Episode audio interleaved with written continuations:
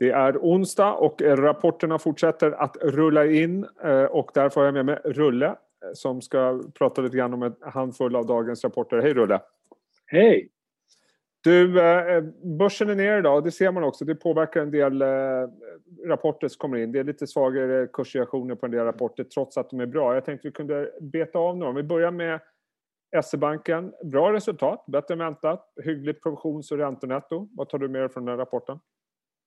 Ja, alltså det är flera linjer där som man kanske ändå när man tittar på raderna att de uppfattas som lite av engångskaraktär och kommer normaliseras när man tittar in något kvartal eller ett par kvartal bort, eh, några kvartal bort. Mm. Och det är väl därför som marknaden alltså inte riktigt tar till sig rapporten. Men det man gör, att man skriver ju faktiskt ner, eller man skriver att man, tar, man, man normaliserar eh, kreditförlusterna redan nu 2021, där man trodde från början att det skulle bli 2022. Och det gör ju att kreditförlusterna kommer att bli 300-400 miljoner lägre varje kvartal framåt nu då under 2021. Och det är det positiva. Så att rapporten är bra, det är inget snack om det. Eh, och eh, samtidigt är det så ändå så att ja, det, det räcker inte hela vägen fram eh, givet hur vi ser kursen. Samtidigt ska man ha respekt för att det är ett bolag som är rejält överkapitaliserat. Vi pratar ju 20 miljarder som ska ut här så fort Finansinspektionen ger sitt godkännande. Så att här kommer det att komma mycket utdelningar. Ja, precis, det var nog det jag kanske reagerade mest på. För vi har ju sett i flera bankrapporter att kreditförlusterna inte har varit så höga som man har befarat. Mm. Många banker är överkapitaliserade. Sitter i startgroparna och väntar på besked från F, eh, FI. Alltså, vad tror du? Kommer det komma en hel del extrautdelningar till och med framöver här från bankerna? Ja, men jag tror inte det kommer komma som tidigast i Q4, så man får vänta en stund till som det ser ut. Eh, man vill ju naturligtvis, eh, de kommer ju inte våga göra någonting från Finansinspektionen förrän man verkligen vet att vi har kommit upp på kanske 70-75 procent eh, när det gäller antal vaccineringar. Så jag tror det dröjer en stund till och man vågar helt enkelt inte. Men det kommer ju att komma och som sagt, alla bankerna är ju rejält överkapitaliserade. Och bankindex har ju gått bra i år. Känns det som rapporten än så länge stödjer det? De har ju varit pressade innan. Ja, men det är ju nu har det kommit två banker, eller tre, tre har ju kommit faktiskt, och de har ju samma, liksom, eh, de visar ju samma sak, att det är ganska tufft. Räntenettot stampar lite grann. Det är ingen topline-tillväxt och egentligen är det så att de levererar ju bra, framförallt för att de håller i kostnader. Så storyn är ju kvar, liksom att eh, de måste ju leverera topline för att det ska bli något riktigt intressant case och eh, det räcker inte bara med kostnadsnedskärningar för att det är det som det finns en begränsning hur mycket du kan skära. Någon gång måste du bara investera om du ska nå topline. Så att de är ju inne i, det är en svår affärsmodell på det viset. Ja. ja vi har många rapporter att gå igenom. Sinch eh, är ju per definition en bra rapport. Men den når inte upp till förväntningarna. Det är ett eh, lägre ebitda. Tillväxten är hög, inte lika hög som i senaste kvartalet. Aktien tar stryk, vilket kanske jag vet inte, hur ska man tolka det? Är det mer en vinsthemtagning efter hur bra den har gått eller hur, hur ser du på rapporten? Ja, jag håller med. Topline absolut eh, är bra. Eh, sen är det så att man får inte med sig det om man tittar ner några längre rader då på, på, på ebit exempelvis. Eh, och ehm, det får ju en effekt eh, på det här året. Samtidigt säger man ju att man, i alla fall vi tycker inte att det kommer att bli någon större eh, nedskrivning av eh, vinstförväntningarna för 2022. Eh, utan det här är ju lite grann, man, man varnade ju för att det här bolaget man köpte nu, det där man tar en del nedskrivningar, var i lite sämre skick än man, eh, när man köpte det, beroende på att priset var ganska bra. Så att det är inte så konstigt kanske. Så har man lite valuta och man har lite incentiveprogram och mm. man passar på lite, känns det som, att rensa bort en del. Jag tycker det här, det här är första kvartalet som det verkligen kanske sticker ut med lite sämre resultat. Så en gång, ingen gång, eh, som de brukar säga. Två gånger, en gång, gång. Så att jag tycker så att man får nog ge dem the benefit of the doubt, i alla fall än så länge. Ja, och aktien kommer ner. Den har gått fantastiskt bra tidigare, så att, ja. eh, inte så märkligt. Sen har vi då Assa och Electrolux. Jag tycker ju båda de rapport rapporterna är bra, inte minst om man tittar på den organiska tillväxten, vilket är väsentligt bättre eh, än, mm. än, väntat. Eh, hur kommenterar du dem? Vilken är det du tycker mest, eh, sticker ut mest av dem? Ja, jag hade nog trott, alltså Electrolux har ju en del, eh, det går ju fantastiskt bra i, i Latinamerika och det där är ju lite grann stay at home. vi kallar det för. Man gynnas av en ordentlig uppbunkring när man ändå tvingas vara hemma där borta. Och aktien har gått väldigt bra. Det var förväntningar om en väldigt bra rapport. Man levererar ju på det naturligtvis, men det fanns naturligtvis höga förväntningar på den där rapporten. Och, eh, nu säger de också att det motvinden när det gäller liksom, eh, valutor och råvaror eh, kommer man, tror sig, kunna hantera när det gäller prishöjningar. Men man, det blir lite osäkert. Eh, men givet att eh, det är ändå så att eh, när man ser cykliskt generellt så får man ändå säga att eh, det finns anledning kanske ändå att eh, liksom, det är en rimlig reaktion att aktien inte går bättre, för det, det, det, det fanns förväntningar redan från början. När det gäller Assa så är jag ändå lite mer förvånad. Det var en bra rapport mm. eh, och visar organisk tillväxt. Eh, så att man får väl ändå säga att ja, de kanske drabbas av att det kommer lite sent av rapportperioden. Hade de kommit förra veckan så hade man så tagit emot dem ganska bra, exempelvis. Ja. Um, och det är väl ändå så att generellt nu så känns det som eh, de cykliska bolagen, där tar man en del vinster just nu. Så att eh, det kan vara en effekt av det. Eh, men båda egentligen är ju bra rapporter. Och, och sen är det ju intressant det du säger att hade de kommit förra veckan så hade det förmodligen blivit bra kursreaktion. För att de säger ju i princip det som bolagen sagt tidigare, att man ser en förbättring. Det, det börjar ja. bli lite bättre visibilitet och så vidare. Så att det, det, det, marknaden kanske börjar vänja sig vid det. Mm. Ja, men sen eh, tittar man på det också så är det så att det är ju det här kvartalet som är inne nu som du kommer få de absolut lättaste kompsen också när man tittar på det här. För det var ju ändå så att någonstans i mitten på mars som det börjar liksom bli svagt så att det, det resultat man levererar nu generellt kan jag säga av de som kommer är ju faktiskt mot ett bra kvartal i Q1 ja. förra året också. Så därav tycker jag ju liksom att det, det, det, det, har varit så far tycker jag varit rimliga reaktioner. Det har varit väldigt bra rapporter som har kommit överlag. Sen har vi en väldigt intressant rapport och det är Scandic Hotels. Det här är ett bolag som av naturliga skäl påverkats extremt mycket av corona och de kommer in med ett som väntat ett väldigt, väldigt svagt Q1, till och med sämre än väntat.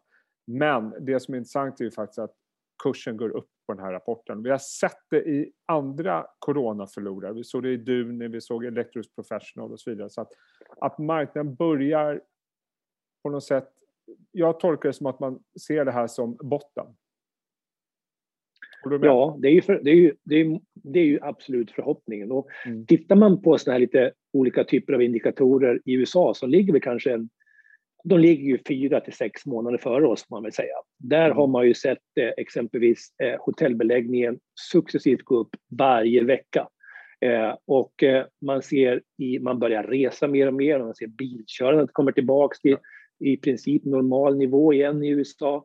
Eh, eh, man har till och med börjat åka lite tunnelbana i New York från riktigt låga nivåer. Men man vågar ge sig ner där nere i systemet tydligen. Eh, och det är klart att om man börjar göra det, och vi har sett enormt högt resande nu sista månaden i USA. Så när det här börjar ske och sen dessutom så gick ju EU ut och sa här att amerikaner som har fått två vaccineringar, de får komma till Europa här i sommar. Och det är klart att då är det ju så att eh, om turisterna börjar komma hit, då är det ju en bra signal för de som är i hotell. Mm, och eh, viktigt att komma ihåg att de har en eh, uppdatering som kommer den 15 juni. För de säger själva att visibiliteten är fortfarande låg så att då kanske vi får mm. Lite mer eh, kött på benen tanken inför sommaren. Eh, det känns som att marknaden räknar med att ändå det här kommer, det här är botten. Det är så jag tolkar Jag kan inte tolka det på annat sätt. Ja, så är det nog marknaden gör. Sen tror jag ändå att om man verkligen ska få fart på hotellmarknaden så måste man få igång fotbollsmatcher, man måste ja. få igång konserter, man måste få igång... Liksom, alltså, folk måste börja resa igen i Sverige för det mm. ska bli bra. Och, och nu det, tror jag, om man tittar på de siffror vi har sett i alla fall när det gäller Scandic så är det ju faktiskt så att de lite mindre städerna går faktiskt ganska bra medan det är storstäderna här fortfarande som är den stora utmaningen. Och det är där du har sett sämst beläggning. Så att det, det är jättebra om de kommer med en update. Det vill marknaden naturligtvis ha. Och de, de, tog ju faktiskt in väldigt mycket pengar alldeles nyligen, så de säger ju sig ja. själva ha en bra täckning för det här. Ja, och det var ju någonting man var orolig för marknaden tidigare. Jag, jag tänkte vi ska mm. avsluta med två rapporter eh, från hälsovårdssektorn. Och det här är också två bolag som har påverkats överlag negativt av corona. Det är många hälsovårdsbolag som har gjort det. Frågan är om det här kan bli öppna upp vinnare. Om vi börjar med Cellavision Bra organisk tillväxt, eh, visserligen är väl inte så jättehöga nivåer. Marginalen förbättras, eh, vilket jag tycker var bra. Eh, mm. Hur ser du på det, den rapporten? Ja, nej, men det här är ju en eh, sektor som rimligtvis ska gynnas av, alltså det är en vårdskuld som ska betas av här. Ja. Och eh, Cellavision säger ju att man ser en gradvis förbättring under 2021. Eh, och man började se den redan i slutet av förra året och successivt kommer man se det under det här året. Eh, man har fått en ny VD, man kommer få in en ny ordförande eh, och vi noterade också, vilket jag tycker är en väldigt intressant signal, att under den här perioden när aktien var ner så köpte William Demant-stiftelsen mm. ytterligare 5 Så de är uppe i nästan 20% av bolaget. Eh, och jag har en känsla av att de ska vidare. De ska nå upp till 25% i det här bolaget, åtminstone. Så det här är ett bolag som absolut är, kommer att se bättre siffror. Och det samma borde väl gälla även Mentis som också ser visserligen ökad orderingång igen från, från låga nivåer. Och där har man ju en del eh, delar av bolaget som verkligen påverkas negativt av corona. Eh, mm. men, men, även här borde man se en ljusning. Jag tror de själva säger andra halvåret tidigast. Ja, det här är ju robotkirurgi och vi fick ju en väldigt bra rapport här i förra veckan från Intuitive Surgical som är ett stort amerikanskt bolag och exempelvis som där eh, Surgical Science alltså levererar produkter till. Och det var ju, de, de pratade om 30-35 procent tillväxt 2021. Mm. Och det lyfter ju Surgical Science, vi har inte sett den rapporten än. Men det här är ju som sagt, Mentis är ett jättefint bolag och jag kan inte se annat att liksom, trenden talar för dem de närmaste åren. Det är, så kommer det vara. Sen är det alltid frågan att veta Eh, det är svårt att veta precis vilket kvartal vänder då, utan eh, det är ett ganska slagigt, de har fortfarande ganska slagiga kvartal. Mm. Oftast brukar Q4 vara det bästa kvartalet. Eh, nu fick de ju en del som rullade in i Q1, så Q1 blev väldigt bra. Eh, men som sagt, det ska man ha i bakhuvudet när man tittar på det här bolaget. Men generellt, ett vårdskuld som ska betas av gynnar många bolag i medtech-sektorn. Mm. Eh, om vi lämnar eh, svenska rapporterna då. Det har ju kommit in mycket amerikanska rapporter som varit väldigt intressanta. Hur skulle du sammanfatta läget där bland det som har kommit in nyligen? Ja, det kom ju, som nu vet generellt hade vi en väldigt stark period innan vi gick in i mm. rapportperioden. Många profit upgrades som kom, inte bara i Sverige, utan det kom ju ett antal i USA också. Eh, och det är klart att då när man har det så blir det kanske också mottagandet när väl rapportperioden drar igång kanske lite lägre. Ja. Men igår kom det ju tre tunga rapporter liksom som, och ikväll kom ju Apple och Facebook. Eh, men eh, det som kom från Alphabet igår var ju väldigt, väldigt bra måste jag säga. Jag tänkte wow, den här, den här, man mm. såg siffran att den här aktien kommer bara stänka upp liksom 10% minst. Och så var det fyra ungefär. Och man, till exempel så hade man, eh, jag tror det var på Youtube växte den advertising alltså upp 50% på kvartalet när det gäller annonser och så vidare. Så att, ja, det var helt, väldigt, väldigt bra. Sen ska de dra igång ett återköp av 50 miljarder dollar av den här C-aktien.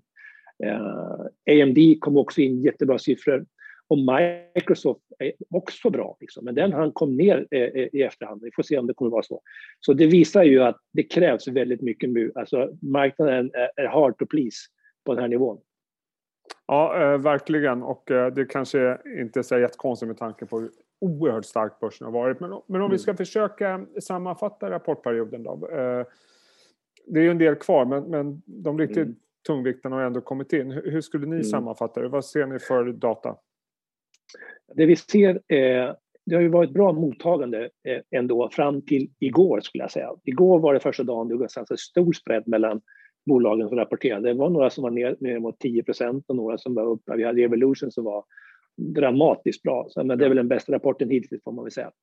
Eh, och sen har du då även idag ganska stor spread på det här. Men eh, vi har sett generellt vinstrevideringar upp lite grann om vi tar mm. börsen som ett, eh, på helhet på en, på en hög nivå för 2021 men marginella vinstförändringar för 2022 än så länge. Och det är klart att det, det, är kanske långt när man tittar i Q1 och redan nu drar upp prognoserna för 2022, det kan jag förstå. Men så länge vinstrevideringen är på plus, det vill säga pekar uppåt, så kommer ju normalt börsen att klara sig. Så att, jag tycker så att det vi ser nu, det är nog mer en, en lite sälj, säljoffert än det är liksom oro för vinsterna. Samtidigt så känns det nästan som att utifrån vad bolagen säger att vi ska förvänta oss ett, ett starkt Q2 också. Eh, och då blir jämförelsesiffrorna kanske än mer dramatiska. Ja, men det kommer man nog förstå också. Så det kommer ju i det, när vi sitter och summerar det här i juli så tror jag att det kommer att hända ännu mycket mer när det gäller efterfrågan och mm. det öppnar upp. Aktier kommer säkert att fortsätta att performa beroende på vad som händer naturligtvis. Vi får inte ha ett ytterligare bakslag nu på vaccineringarna exempelvis. Eller, eh, det verkar ju som Janssen nu blev godkänt i USA. Ja. Vi tror det. Det kommer att hjälpa till väldigt mycket, många vaccineringar till. Så någonstans i sommar då har ju USA liksom förmodligen, de kan ju ha 50-60 procent av sina invånare som har två doseringar klara. Så att det, det, går ju ändå väldigt fort nu får man säga. Så man hoppas ju också att det här kan innebära att man kan börja få iväg vaccineringar till andra delar av världen som behöver det förmodligen mer. Ja. Så vad säger vi då? Vad är det som ska styra börsen framöver? Vi har nu haft en väldigt stark eh, kursutveckling fram till mm. rapportperioden. Vi har bra rapporter, kanske inte lika positivt mottagande som vi är vana vid. Vi har en vaccinutrullning som där tempot känns som det ökar för varje mm. dag. Vad, vad, tror ni kommer styra börsen närmsta tiden? Vi är ju inne i maj här om ett par dagar. Mm. Alltså nu är det bara en vecka kvar kan man säga, eller i alla fall max två veckor av rapportperioden. Sen kommer man gå tillbaka till makro igen och makro brukar alltid försöka tolkas negativt. Eh, vi har haft väldigt höga ISM-siffror. Eh, alltså en viss utplaning på den här nivån, det är rimligt tycker jag. Vi har haft en okay. väldigt stark start på året. Vi går in i det historiska mönstret som alltid talar för att en liten utplaning brukar ske under april, maj eh, och kanske en bit in i juni. Eh, och sen brukar det ta fart igen när man tittar på du vet, eh, det, det kommer att skrivas om det här Sell in May and Stay Away kommer att mm. komma tillbaks.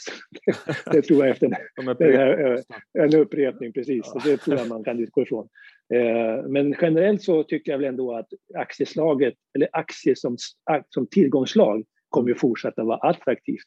Jag menar, du, tittar du på omvända P-talet, det vill säga då är ju fortfarande aktier väldigt lönsamt jämfört med en amerikansk tioåring.